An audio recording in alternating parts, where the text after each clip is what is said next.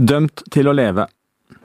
Hver kveld klokka kvart på ti festes beltene rundt armene og bena hennes. Når hun skal snu seg i sengen, må nattevaktene låse opp. Slik har det vært i to år. Hun skriver fra innsiden av Gaustad sykehus. Det lille rommet har gråhvite vegger. På bordet foran henne ligger noen få papirer og en tom flaske Pepsi Max. Den eneste lyden er suset fra et airconditionanlegg. I tre måneder, gjennom over 250 e-poster til VG, har hun skildret sin hverdag på lukket avdeling. Jeg har noe man ikke blir frisk av. Man blir redd for å miste, og redd for å ikke være bra nok. Når jeg skriver til deg, er jeg redd du mister interessen, eller at det blir for mye å ta inn. Ei jente som vil dø, og som er dømt til å leve. Det finnes ingen annen pasient i Norge som behandles på tilsvarende måte. I snart to år har kvinnen, som er tidlig i 30-årene, vært beltelagt hele eller deler av døgnet. Når hun skriver, er armene fastspent i reimer som er boltet fast i skrivebordet. Dag og natt er hun overvåket av pleierne. Hun får ikke dusje eller gå på do alene. Når familien besøker henne, er det alltid med tilsyn. Hun veier under 40 kilo og er kronisk selvskader. Jeg dusjer én gang i veka. Det hjelper meg med håret. Jeg står helt naken med noen som står og ser på. Jeg står så skulerett jeg tør. Jeg spør vernepleieren om jeg ser tjukk ut. Hun sier hun får frysninger når jeg spør. Kvinnen har gått rettens vei for å bli frigjort fra beltene og tvunget psykisk helsevern. Hun ønsker å dø. Når er et liv så dårlig at det ikke er verdt å leve? Hun er liten og sped, har stramme, lange fletter. Håndtrykket er fast. VG har møtt henne én gang, i november, på Litteraturhuset i Oslo. Hun er der for å lansere en bok hun har skrevet om jenter med Asperger syndrom. Det er én av mange diagnoser hun har. To pleiere fra Gaustad følger henne tett. Det er mange måneder siden hun var utenfor sykehuset. Alene, ute med familien, har hun ikke vært siden 2011. På halsen dekker et stort plaster et sår som ikke får gro. Blikket er direkte, hun sier ikke så mye, hun er tryggest når hun kan skrive. I måneden som kommer, sender hun e-post til VGs journalist nesten hver dag. Jeg husker jeg lærte å skrive gjennom å skrive brev til mamma. Hun studerte ett år mens jeg gikk på førskolen, og så hun skulle få lest litt, skulle jeg ikke snakke hele tida. Og vips, så kunne jeg skrive. Jeg skrev og spurte om å få is. Jeg skrev tak for isen og tak for taken for taken for isen. Jeg kunne ikke dobbeltkonsonanter enda, men lærte fort. Inne på Gaustad lever hun helt isolert. To egne fløyer er reservert bare for henne. 2. november 2006 ble hun lagt inn under tvunget psykisk helsevern med døgnopphold. Ti år senere er hun fremdeles tvangsinnlagt. Anoreksia nervosa, Asperger syndrom og emosjonelt ustabil personlighetsforstyrrelse, hyppig og livstruende selvskading. Gjennom e-postene har hun ønsket å forklare hvordan livet hennes er, og hvorfor hun ikke ønsker å leve lenger. De holder meg i live, det er hovedbehandlinga, kort og godt oppsummert. Jeg kjenner jeg er ei stor belastning og er veldig ressurskrevende. Det er tungt å bære. Hvorfor må jeg være til? Fordi jeg er på tvang. Norsk lov er bygget på at psykiatriske pasienter som er så alvorlig syke at de ikke har forutsetninger for å vurdere sitt eget beste, skal tas vare på og beskyttes så langt det er mulig. FN og Europarådet har flere ganger kritisert Norge for å bruke tvang for mye i psykiatrien. Å legge en pasient i belter skal være absolutt siste tiltak. Alt annet skal være prøvd først. Ifølge loven, som regulerer bruken av såkalte mekaniske tvangsmidler, som belter, reimer og tvangstrøye, skal bruken av tvangsmidler gjøres så kortvarig og skånsom som mulig. Kvinnen på Gaustad har levd kontinuerlig med beltene i to år. Belteregimet ble innført vinteren 2014, etter at hun hadde påført seg et sår som var så dypt at det var en akutt fare for at hun kunne få en livstruende infeksjon. Vi brukte masse tid på å finne andre løsninger som kunne hindre henne i å nå såret. Da vi til slutt innførte beltene, hadde jeg egentlig ikke så mange kvaler rundt det. Vi hadde snudd hver stein. Vi så at vi kunne få til å ha henne i belter, men samtidig tilrettelegge for at hun kunne skrive, ta bilder, slappe av og sove i sin egen seng. Vi klarte å få til noe som var i nærheten av normale aktiviteter for henne, sier kvinnens psykiater Gunnar Henden til VG. Utgangspunktet var at belteregimet skulle vare i noen måneder til såret var grodd. Slik gikk det ikke. Det hadde ikke grodd før det var gått et halvt år. Da tok vi henne ut av beltene, men det tok bare noen få uker før såret var åpent igjen, og da måtte vi fortsette. Borgarting lagmannsrett 10. mars 2015 Det er ett år og én måned siden belteleggingen begynte. Hun har gått til sak mot staten for å slippe fri fra tvunget psykisk helsevern. Hun har tapt i tingretten. Ankesaken i sal M22 er i gang. Hun sitter ved siden av advokat Helge Hjort, med armene bundet fast som et kors over brystet.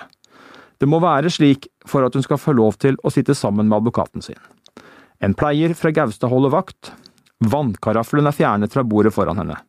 I tingretten veltet hun den med kraft. Jeg var først i kontrollkommisjonene for å bli skrevet ut, skrevet ut for å dø. Jeg veit jo ikke hvordan jeg skal leve. Det er bare en evig utsettelse, og jeg bruker ressurser hver dag som kunne vært brukt på noen som klarer å ville leve. Neste steg da er rettssystemet. Sammen med advokat Hjort argumenterer hun for at Aspergers syndrom ikke er en sykdom som kan behandles, men en medfødt autismediagnose som hun vil ha livet ut. Loven sier at de som skal behandles med tvang i psykiatrien, må ha en alvorlig sinnslidelse. I tillegg må enten farekriteriet eller bedringskriteriet ligge til grunn, altså at man utgjør en fare for seg selv eller andres liv og helse, eller at man kan bli vesentlig dårligere av ikke å få behandling. Jeg sitter i rettssalen og skal forsvare at jeg ikke er redd for å dø, og som begrunnelse for å ikke bli bedre har jeg med meg at jeg faktisk alltid vil ha Aspergers syndrom, Gjør det meg alvorlig sinnslidende etter lovens forstand? Saken går for lukkede dører. Jeg var den som ville noe annet enn alle i rommet. Jeg var annerledesheten sjøl, og ingen ville forstå. Advokat Hjort argumenterer videre med at den omfattende belteleggingen hun utsettes for er i strid med FNs torturkonvensjon og konvensjonen om rettighetene til mennesker med nedsatt funksjonsevne. Den bryter også med retten til respekt for privatlivet, hevder han. Hun har i realiteten intet privatliv, og en så massiv og langvarig bruk av belter må karakteriseres som tortur. Når dette holdes opp mot at sykehuset i realiteten ikke har noen behandling å tilby henne, er det klart best for henne at hun skrives ut fra sykehuset, anfører advokaten. Det er staten som er motpart. De mener hun vil dø innen kort tid hvis hun slippes ut av tvangsregimet. Enten ved at hun vil sulte seg til døde, eller ved at hun vil påføre seg selv dødelige skader. I sin redegjørelse har sykehuset beskrevet henne som en pasient med marginal fungering, som har liten evne til å håndtere dagliglivet. Hun har noen interesser som for eksempel fotografering, skriving og dataaktivitet. Hennes evne til å fullføre og drive disse vurderes til å være moderat. Pasienten har liten eller ingen kontakt med omverdenen, unntatt nærmeste familie, men dette også i liten grad.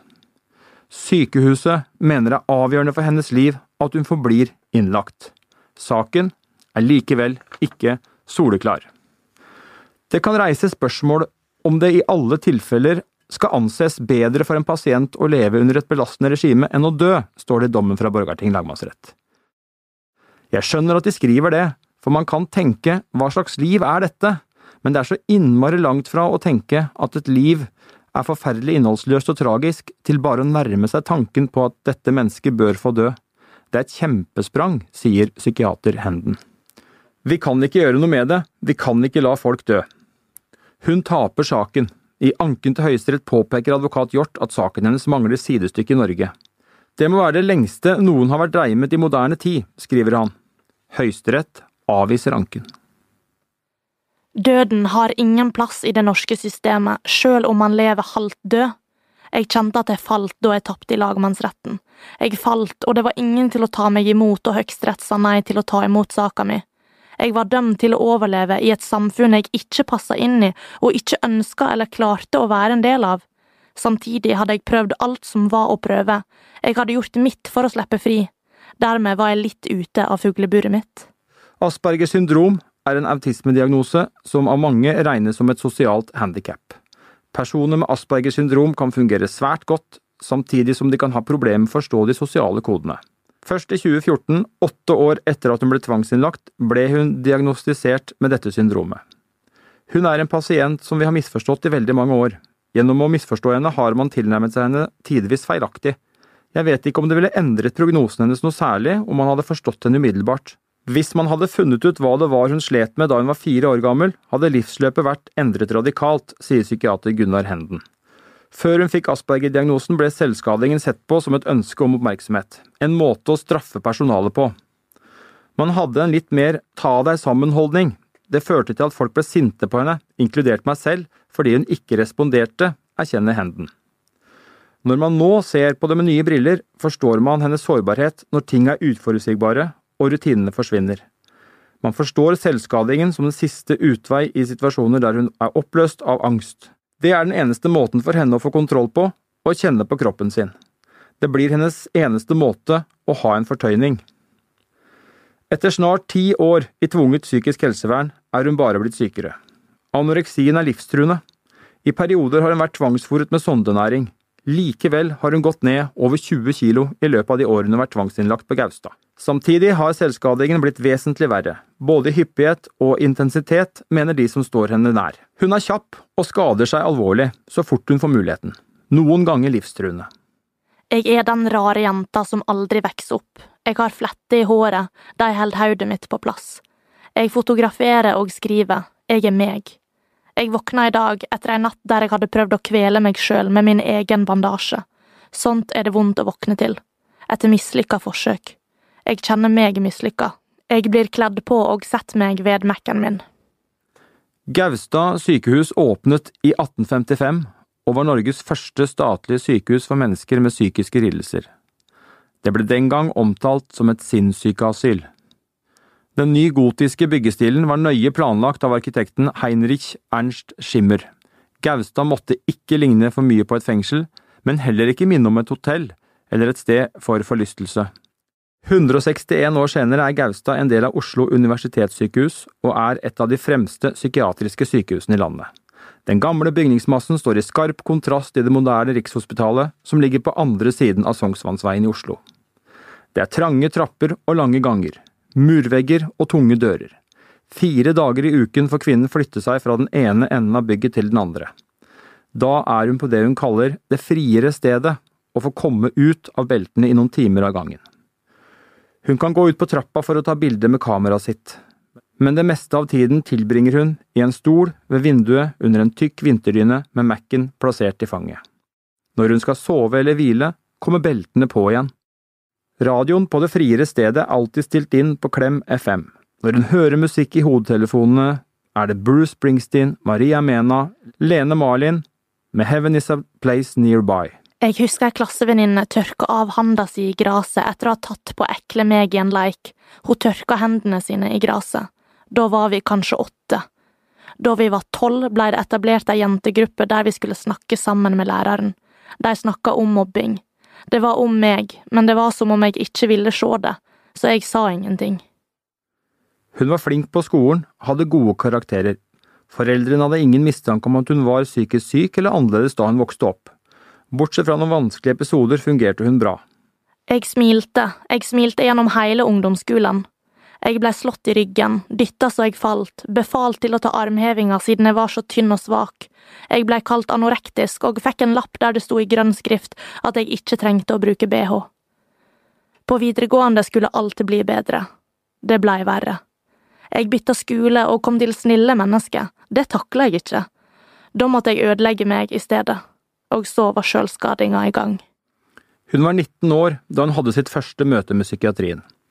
Hun hadde flyttet til et annet sted i landet for å studere journalistikk. Sakte, men sikkert begynte livet å rakne.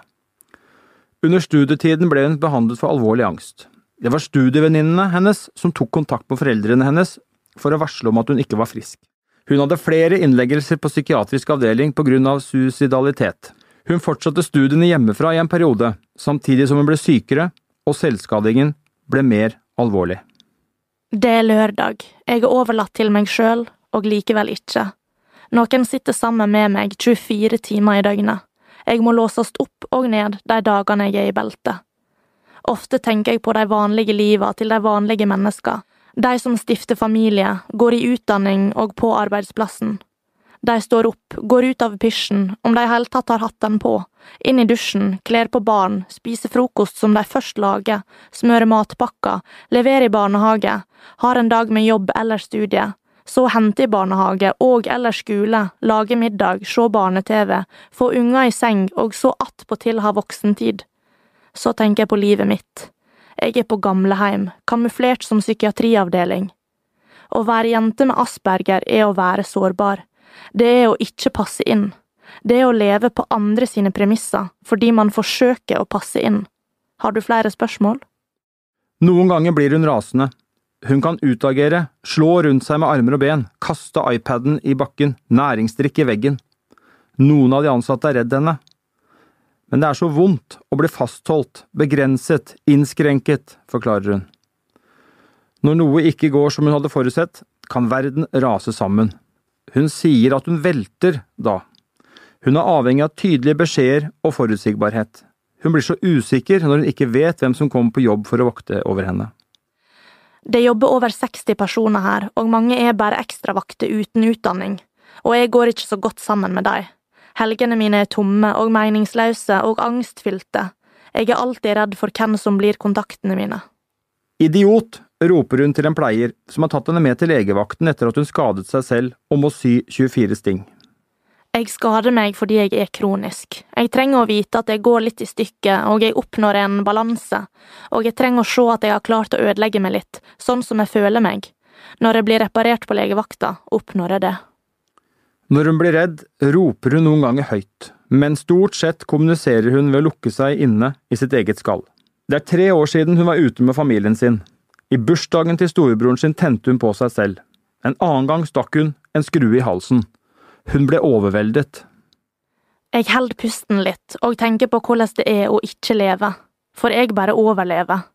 Men jeg lever litt når jeg skriver og tar bilder, og jeg prøver å snakke med de som er sammen med meg, noen ganger, men stort sett lukker de ute. Jeg er innenfor skallet mitt, for det gjør så vondt når samtalene våre krasjer, eller jeg ikke skjønner en spøk, jeg blir usikker. På VGs spørsmål om hun forstår at en lege eller en dommer kan ende opp med et liv på samvittigheten mens hun skrives ut fra tvunget psykisk helsevern, svarer hun. Jeg tenker at kontrollkommisjonen og dommerne utsetter noe uunngåelig, men jeg forstår at det er vanskelig for dem. For andre mennesker er livet viktigere enn alt annet, har jeg skjønt. Men vi lar hundene våre slippe når de lider, og hunden er menneskets beste venn. Kan jeg være en sånn venn? Det ønsker jeg meg overfor rettssystemet. Det var ingen enkel oppgave for advokat Helge Hjort å gå til sak på vegne av en ung kvinne som har et uttalt ønske om å dø. Det var fryktelig vanskelig, og jeg har vært mye i tvil i saken. For meg har det vært betryggende å ha en god og nær dialog med hennes nærmeste om hennes ønske, som også de, etter mange og lange år, har kommet til at de må og vil respektere. Dette handler om hennes selvbestemmelsesrett, sier advokaten. Han sier dette om hvordan saken har påvirket ham personlig. Dette er et spørsmål som vi advokater ofte får, og vi kan noen ganger få kritikk for å involvere oss for mye, men en klient som henne er det umulig ikke å fascineres av, imponeres over og fatte godhet for. Det er ikke hans ønske at hun skal få lov til å dø. Jeg har sagt til henne mange ganger at du skal ikke dø. I det spørsmålet er hun og jeg uenige, ganske enkelt. Da hun kom til Gaustad for mange år siden, kunne hun være ute med familien, være på perm og spise middag hjemme. Hun var en jente som hadde det vanskelig, men som fortsatt hadde en viss kontroll.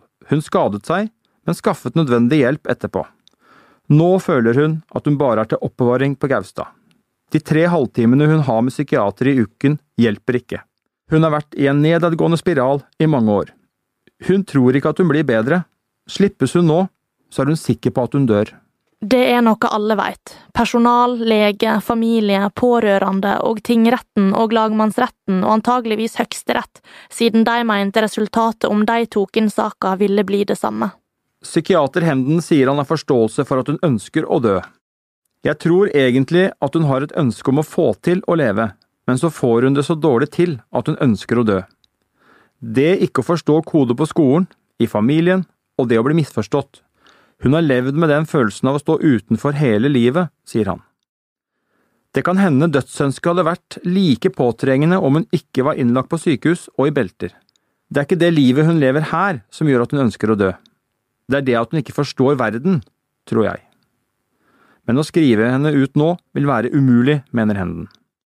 Jeg vil ikke bli den første psykiateren i Norge som med viten og vilje skriver ut en pasient slik at hun skal få avslutte livet. På Gaustad sykehus, som på alle andre psykiatriske institusjoner i Norge, finnes det en kontrollkommisjon som skal sikre rettssikkerheten til pasienter som er tvangsinnlagt. Kontrollkommisjonen består av én lege, én advokat samt to legmedlemmer, hvorav én har bakgrunn fra psykiatrien, enten som pårørende eller pasient. De siste to årene har kontrollkommisjonen besøkt Gaustad omkring 50 ganger. Hun kan ikke huske hvor mange ganger hun har møtt i kommisjonen med et ønske om å slippe fri. Første gang var i 2007. Hun har aldri vunnet frem. Et slikt møte foregår sånn. Legen snakker først, så advokaten, så meg. Jeg må si litt om hvorfor jeg vil skrives ut. Jeg blir stilt spørsmål som jeg ikke kan svare på, som hva jeg vil med framtida mi. Det er vondt å sitte der og lyge når man bare vil dø. Noen ganger har jeg sagt det òg, at dette bare er å utsette. Kommisjonen har aldri reagert på den omfattende belte- og tvangsbruken hun har blitt utsatt for de siste to årene. Advokat Hjort er sterkt kritisk til kontrollkommisjonens rolle i saken. Han mener kvinnen aldri har fått noen forståelse i kommisjonen, og at avslagene ligner på hverandre. Noe er avskrift av tidligere saker, og konklusjonene bærer intet bud om at man har vært i tvil, sier Hjort. Jeg har heller ikke funnet spor av tvil eller kritikk av all den tilleggstvang hun har måttet tåle. Samlet sett gir kontrollkommisjonsbehandlingen inntrykk av sandpåstrøing. Det er svært uheldig. Han utdyper. Hun har vært utsatt for et regime som nær ingen andre opplever. Ikke bare er hun sperret inne på et sted som ikke kan behandle henne, tvert imot har hun blitt svært mye dårligere der. Hun er også nå, og har vært det gjennom de to siste årene, reimet fast til senga om natten og til en stol om dagen. I beste fall får hun sette seg ved et skrivebord der reimene er boltet fast i bordplata. Det er hennes liv, sier advokaten. Slik kan man ikke, og skal man ikke, oppføre seg mot mennesker. For meg er det helt opplagt at dette er umenneskelig og uverdig behandling som strider med menneskerettighetene. Det er et problem at dette blir borte hos de kontrollorganer som skal sikre hennes rettssikkerhet. Dette er argumenter som var velkjente for kontrollkommisjonens leder, advokat Cato Johannessen. Det er ingen tvil om at denne saken reiser mange etiske problemstillinger som har blitt grundig drøftet gjennom dommene i tingretten og i lagmannsretten, men vi har konkludert med at bruken av tvunget psykisk helsevern og de vedtakene som har vært gjort, har vært nødvendige for å unngå at pasienten skader seg alvorlig, sier Johannessen til VG. Det er ikke vanskelig å være enig i at det er en krevende situasjon, men man må velge hva som er viktigst. Kontrollkommisjonen pleier å komme annenhver tirsdag. Da får vi tilbud om å snakke med dem, men de hører mer på sykehuset enn oss. Vi er jo syke, og de profesjonelle. Det skal litt til for at kommisjonen opphever tvangsinnleggelse når legene ikke anbefaler det. Jeg pleier ikke å snakke med kommisjonen. Jeg skriver om det er noe. Beltene er blitt en del av hennes trygghet. Sakte, men sikkert skal hun nå forsøke å gi slipp på dem. Om vi mislykkes nå, og ikke får henne ut av beltene, om tvangsbruken ikke lenger har noen retning, men bare er preget av kontroll, så vil jeg ikke stå for det lenger. Det blir en helt umulig situasjon for meg å stå som faglig ansvarlig for et sånt regime. Grunnen til at jeg ikke har hatt kvaler med det fram til nå, er at det har vært nødvendig, sier Henden. Han svarer dette på spørsmålet om hva som da vil skje. Det vet jeg ikke, da kan jeg ikke stå ansvarlig for opplegget og vil følgelig gi beskjed om at en annen må være faglig ansvarlig for det som skjer videre. Håpet hans er at hun skal få flere gode dager på fløyen de kaller øst, der hun ikke er i belter. Livet blir ikke bedre, det blir det samme. Jeg er den samme, og vil alltid være den samme. Er det nok? Jeg veit ikke. Kanskje det er nok for de som jobber med meg, kanskje det er nok for mamma og pappa, men jeg veit ikke. Jeg har mennesker som er glad i meg, jeg òg, familien og også noen av personalet, selv om de er glad i meg bare på den profesjonelle måten. Med en Asperger-diagnose har jeg gradvis lært meg at jeg er som jeg er, og at det er godt nok. Men på dager som i dag, der jeg velter og knuser iPaden min, vil jeg mest av alt dø. Kan du skjønne det, når man blir fotfullt og ikke eier seg sjøl? I den rettskraftige dommen fra Borgarting lagmannsrett stilles det spørsmål ved hvor lenge tvangsregimet kan fortsette. Hvis en så omfattende overvåking og bruk av belter skulle være nødvendig over enda lengre tid, og sykehuset ikke har noen egentlig behandling å tilby henne utover ren beskyttelse mot seg selv, er det berettiget å spørre om dette på sikt vil være den klart beste løsning for NN. En gang var målet å få henne frisk, slik at hun kunne reise hjem. Nå er målet bare at hun skal ha så gode dager som mulig på Gaustad. Lenger vil ingen tenke. Hvordan skal livet bli for hun som ikke vil leve? Når kvelden kjem, legger jeg meg. Jeg blir lagt i beltet, og når jeg våkner og vil snu meg, må jeg låses opp. Jeg drømmer mye om nettene. Jeg pleier å tenke at jeg lever da. Kvinnen har fritatt sine behandlere og sin advokat fra taushetsplikten. Saken er før publisering gjennomlest av kvinnen selv, hennes nærmeste pårørende, samt psykiater Gunnar Henden ved Gaustad, Oslo universitetssykehus. Artikkelen er skrevet av Synnøve Aasebø og Mona Nordmann. Research Ingeborg Huse Amundsen. Foto Jørgen Bråstad. Lest inn av Øystein Milli og Vibeke Nord Haugland.